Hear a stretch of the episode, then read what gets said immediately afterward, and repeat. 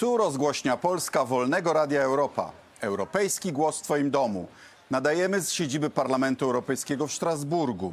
Trwa wojna w Ukrainie, zbiera się szczyt NATO, a tu mamy debatować kolejną niestety rezolucję o Polsce. Naszym gościem jest były premier, były marszałek Sejmu, były minister spraw zagranicznych, lista jeszcze dłuższa niż moja, były minister sprawiedliwości Włodzimierz Cimoszewicz. Witam serdecznie. Dzień dobry, witam. E, Porozmawiamy oczywiście o szczycie e, NATO, o rezolucji o Ukrainie, ale e, przygotowując się do programu, zerknęłem, że ostatni raz rozmawialiśmy na antenie Wolnego Radia Europa w 2021 roku. I wyobraź sobie, że następujące były tematy. Spór o praworządność w Polsce, środki z KPO, polityka PiSu wobec Unii, kamienie milowe, problemy z wymiarem sprawiedliwości, przestrzeganie wyroków Europejskiego Trybunału Sprawiedliwości przez Polskę. No tak. Dwa lata później Są, nic się są nie znowu zmieniło. na agendzie, przy czym są pewne uzupełnienia, bo nie tylko Europejski Trybunał Sprawiedliwości, ale także Europejski Trybunał Praw Człowieka. Nie wiem, czy zwróciłeś uwagę na to, że po ostatnim wyroku w sprawie sędziego Tulei e, wiceminister sprawiedliwości oświadczył, że ten wyrok nie będzie wykonany. Tak, czyli jak Rosja. Tak, dokładnie tak. Rosja formalnie wyłączyła się spod. e, No tak, przy czym przez bardzo wiele lat było tak, że e, sporej części, nie można powiedzieć, że wszystkich wyroków e, tego Trybunału Praw Człowieka, ale sporej ich części nie wykonywała. Tak. Em, Jako były minister sp- e, sprawiedliwości i e, e, byłeś też prokuratorem Tak. generalnym? Byłeś. Okej. Czyli działałeś w tym samym reżimie co Tak. Ziobro. W co gra Ziobro? No wiesz, e, ja po pierwsze e, bardzo poważnie traktowałem e, te- obowiązki. Kiedy ja przyszedłem do Ministerstwa Sprawiedliwości, zrobiłem coś chyba niewyobrażalnego. Mianowicie zaproponowałem wszystkim poprzednim wiceministrom z prawicowego rządu pozostanie na stanowiskach. Wow. I oni wszyscy się zgodzili. Wow. I my wszyscy współpracowaliśmy. Ja Czyli powiedziałem, że coś jak jestem- tu z Kamińskim w CBA. tak, ale ja się nie zawiodłem. Tak. Ja powiedziałem wtedy tylko, że pod jednym warunkiem, jedynym politykiem w tym gronie jestem ja, a pozostali chowają swoje sympatie i legitymacje partyjne, wchodząc do tego budynku. I to dobrze funkcjonowało. Podobnie jako prokurator byłem e, przekonany, że nie wolno dopuścić jakichkolwiek wpływów politycznych, partyjnych itd. do funkcjonowania prokuratury. Na mnie obrażali się moi koledzy e, polityczni. A dzisiaj mamy ręczne sterowanie nawet drobnymi sprawami. Tak, prawda? w tamtych czasach prokurator generalny, nawet gdyby chciał, to formalnie nie mógł ingerować w postępowanie e, przeciętnego prokuratora prowadzącego jakąś sprawę. Oczywiście, gdyby chciał... Ziobro zmilitaryzował prokuraturę. Tak, prawda? więc e, e, tutaj wprowadzono bardzo wiele zmian, niezwykle umacniających pozycję prokuratora generalnego, prokuratora krajowego, nad, nadzorczych prokuratorów itd. Plus to, że można do, używać dowodów z zatrutego drzewa, plus No, to, tak. że można przekazywać mediom Tak. y, informacje ze śledztw. To jest ten pas transmisyjny, który ma y, y, obywatela zastraszyć, No prawda? dokładnie tak. Ja myślę, że e, Ziobro z jednej strony on wypełnia pewną część zadania e, ogólnego, tej tak zwanej Zjednoczonej Prawicy, e, no, które polegało na tym, żeby pacyfikować rozmaite niezależne instytucje państwa, żeby zagwarantować sobie swobodę, brak pociągania do odpowiedzialności i tak dalej. Ale po pierwsze bezkarność dla swoich, prawda? Tak, jest oczywiście. Tak, ile śledztw wobec swoich, które nie, się nie posuwa. Kiedyś e, jeden z rosyjskich opozycjonistów powiedział, że w jego przekonaniu władza autorytarna polega e, na zawłaszczaniu oczywiście instytucji wymiaru sprawiedliwości nawet nie tyle, żeby represjonować przeciwników, co w większym stopniu po to, żeby bronić swoich i nie dopuszczać do pociągania do odpowiedzialności za rozmaite Ale y, przestępstwa. A, tak, nie. E, tu prawie to- wszyscy politycy opozycyjni mieli, mieli albo już Pegasusa, albo mają tak, tak. służby, albo Tak. prokuraturę, prawda? E, tutaj oba te elementy występują. Natomiast chciałem powiedzieć, że ch- chcę powiedzieć, że Ziobro poza tym zadaniem e, spełnianym jakby w imieniu e, całego obozu politycznego gra oczywiście na siebie E, i to od bardzo dawna. Wte, wtedy, kiedy sądząc, że PiS słabnie wystąpił z niego, krytykował Kaczyńskiego, grał na siebie, stworzył partię oddzielną. No wobec niepowodzeń politycznych próbuje jednak jakoś przetrwać na scenie politycznej. Chyba już dał za wygraną, jeśli chodzi o start samodzielny, No tak, prawda? Tak, tak, tak. Wydaje się, że tak to jest. E, Przy czym e, te jego działania zeszły od bardzo wielu lat. To się zaczęło od e, komisji śledczej w, tak zwanej, w sprawie tak zwanej afery Rywina. Kiedy on niezwykle zręcznie wykorzystał fakt jawnych posiedzeń i rozegrał to telewizyjnie dobrze, stał się rozpoznawalny. No i przyłączył się już do znanej od czasów Lecha Kaczyńskiego Komisja Sprawiedliwości takiej propagandy surowości.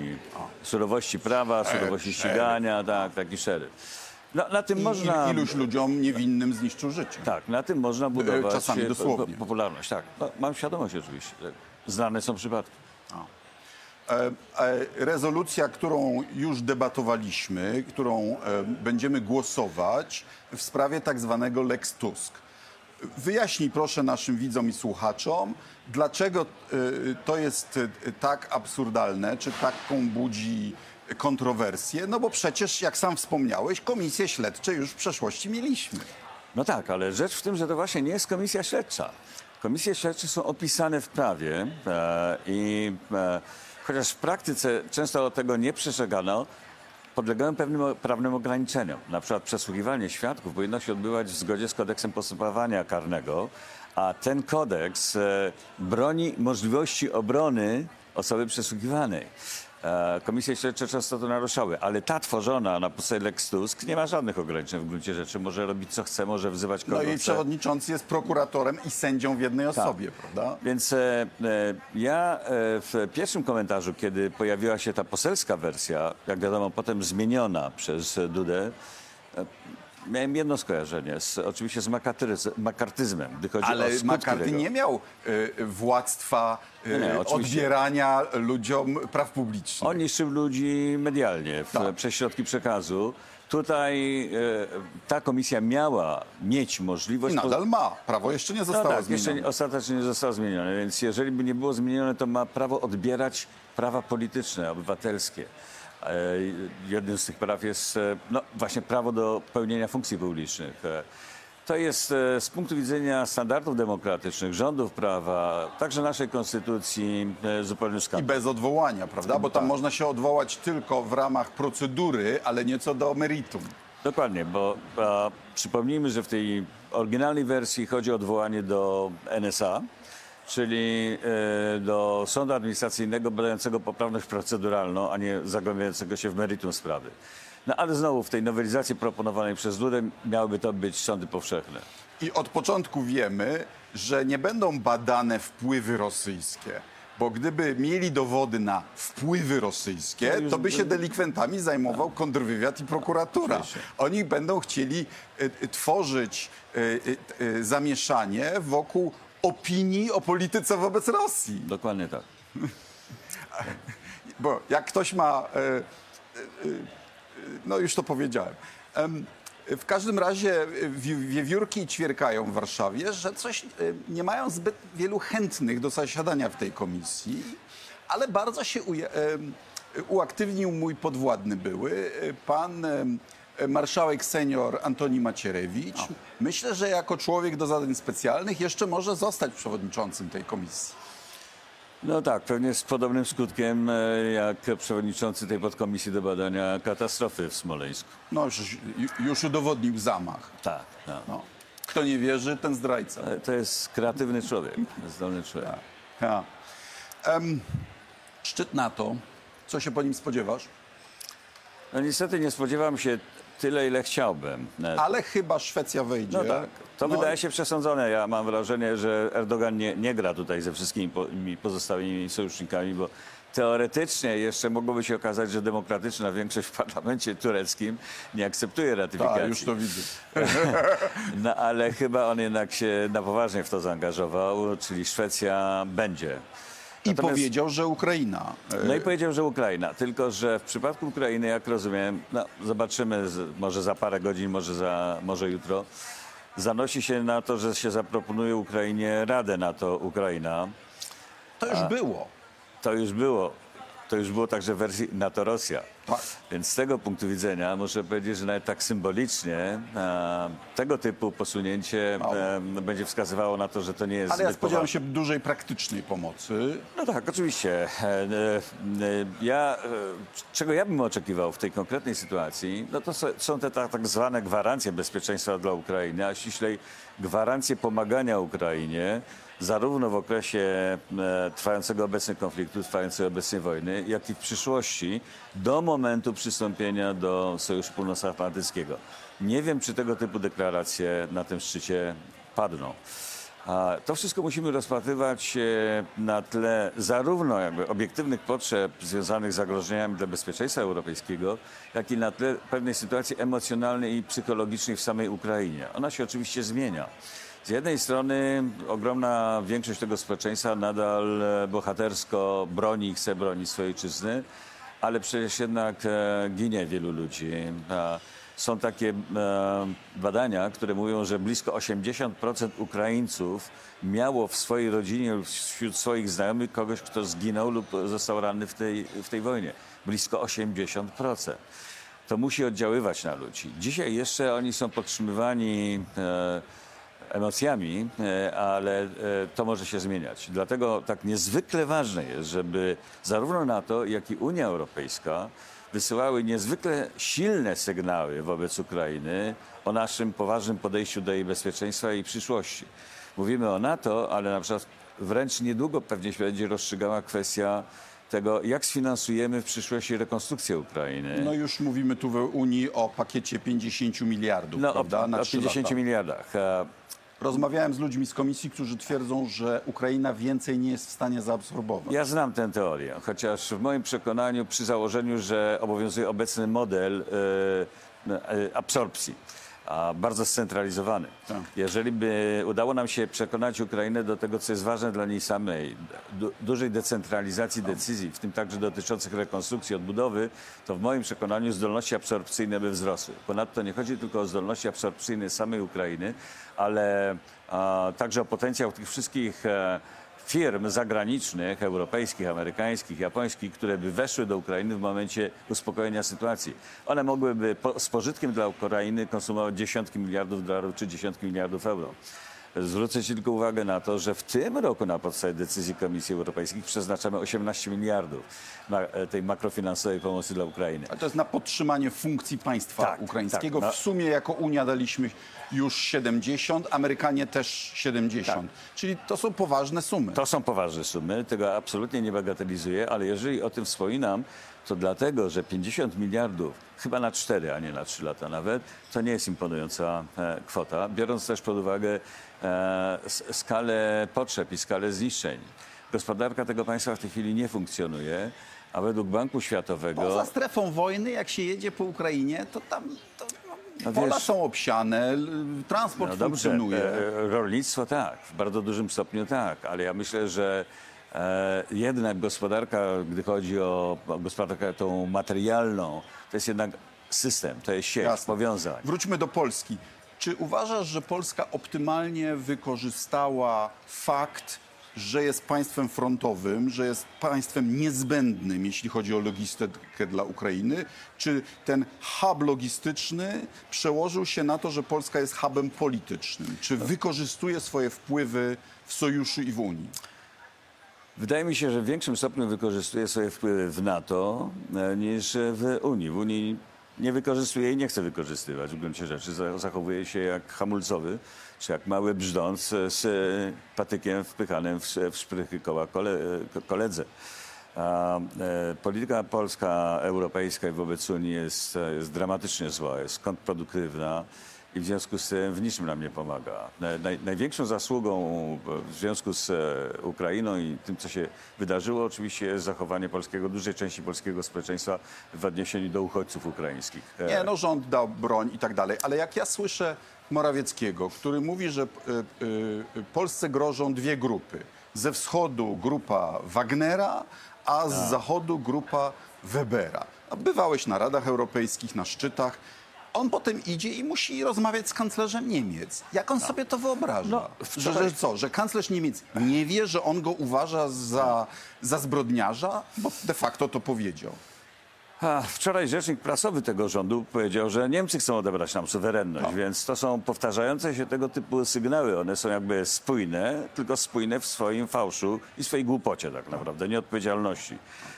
Bić ciągle e, po policzku jednego z najważniejszych sojuszników i partnerów do europejskich. którego mamy swoje zastrzeżenia Oczywiście, i postulaty. ale oczywiście, ale, tak. ale mówienie o nich per czwarta Rzesza i traktowanie jak hitlerowców nie jest moim zdaniem najlepszym sposobem perswazji. To jest, to jest po prostu głupie.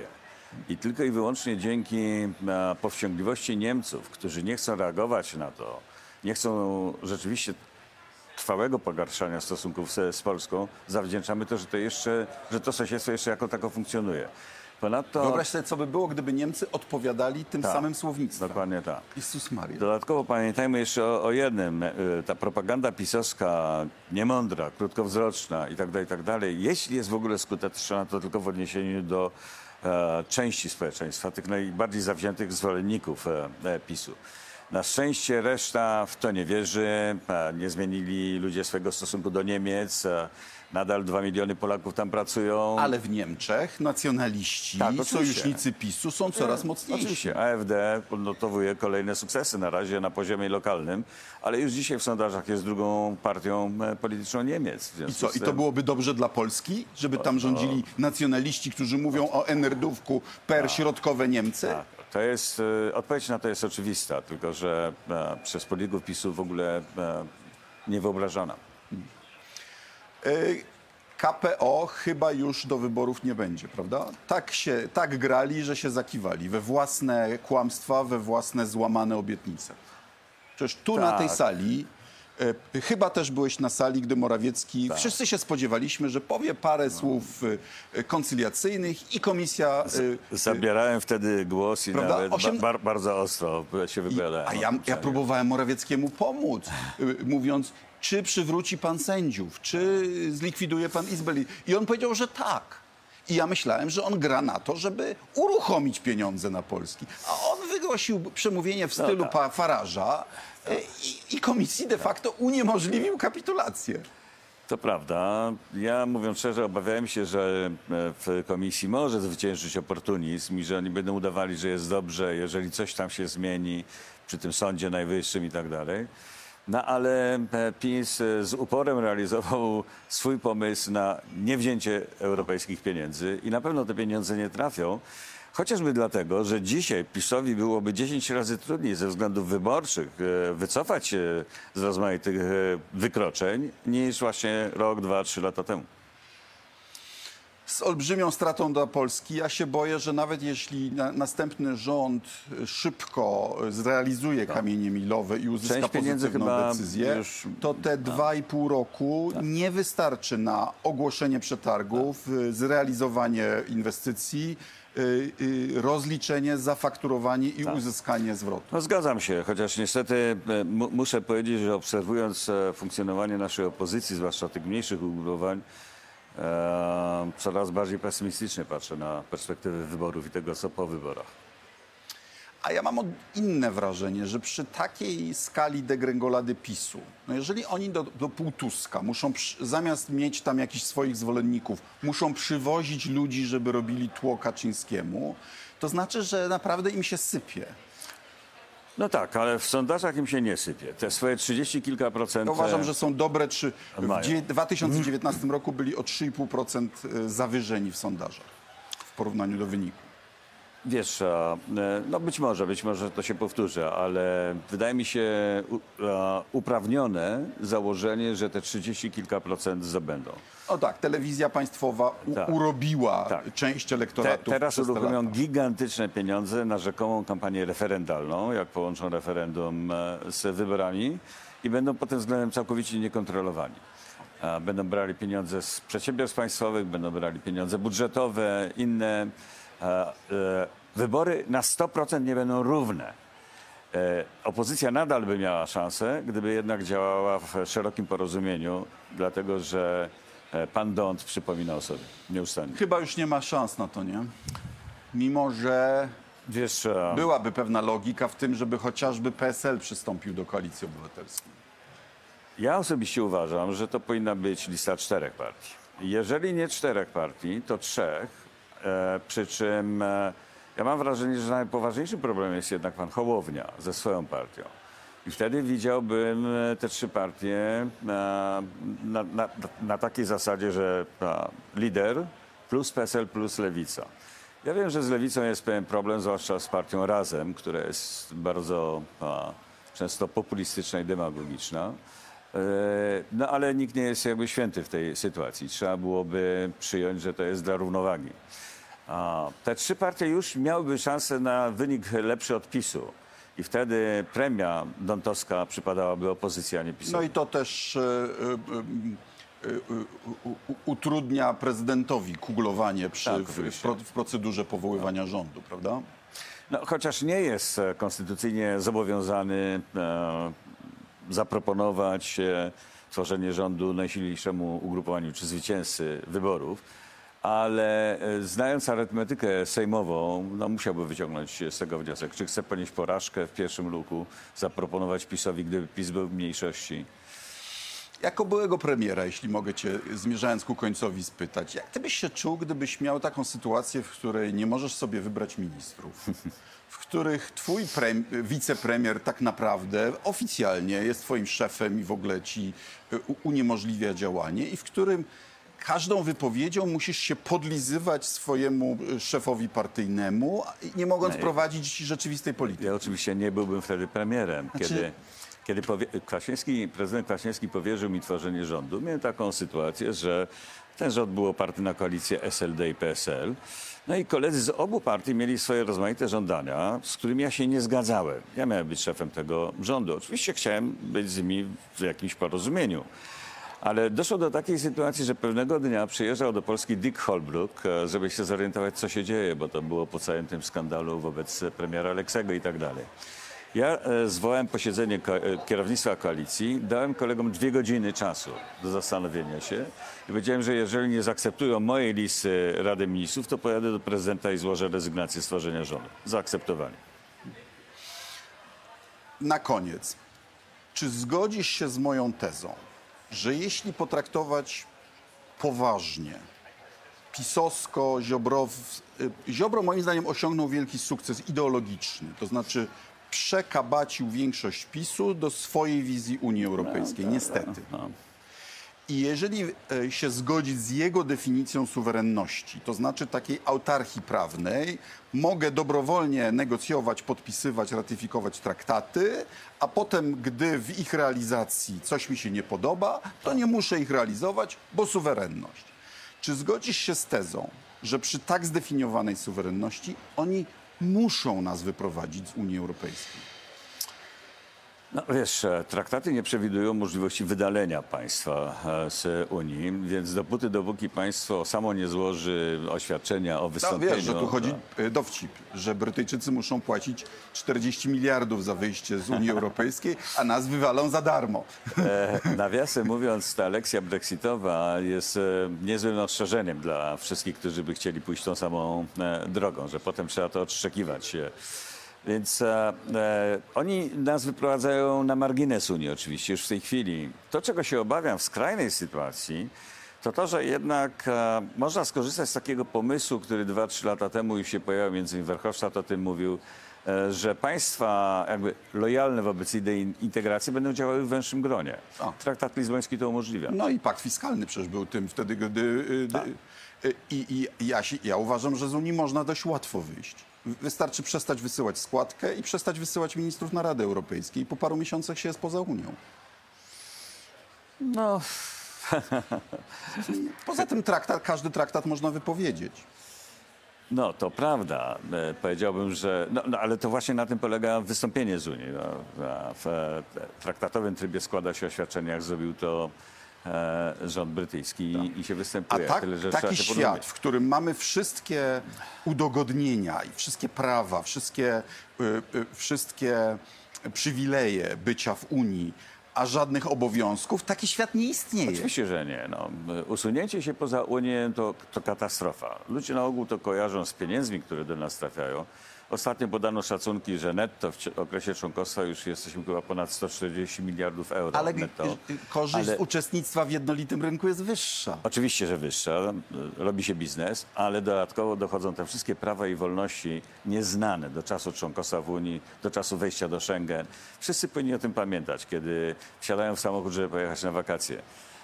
Ja się boję, że część naszych ym, przedsiębiorców da się nabrać konfederacji. To znaczy niskie podatki, liberalizm gospodarczy, ale w pakiecie właśnie z antyunijnością, antysemityzmem, uprzedzeniami. I że y, y, część tych ludzi powinniśmy spróbować odzyskać, bo Konfederacja im nie powie, że wyjście z Unii oznacza barierę celną i regulacyjną na Odrze. Czy to by było dobre dla polskiego biznesu? Wiesz, e, aż trudno mi sobie wyobrazić kogoś, kto zajmuje się biznesem, jest biznesmenem, kto nie rozumie po, pozytywnych konsekwencji skutków członkostwa w Unii Europejskiej. Być może ktoś, kto ma maleńki punkcik usługowy, może tak myśleć, ale ktoś, kto się zajmuje produkcją, ktoś, kto handluje ze światem i tak dalej, przecież doskonale wie, że byłoby to zabójcze dla polskiej gospodarki. Dziękuję bardzo ro- za rozmowę. Idziemy głosować. Tak, To była rozgłośnia Polska Wolnego Radia Europa. Europejski głos w Twoim domu. Jeśli się Państwu podobało, proszę o udostępnianie, szerowanie, subskrybowanie mojego kanału na YouTubie. Panie premierze, dziękuję. Dziękuję Państwu. Okay? Szerowanie.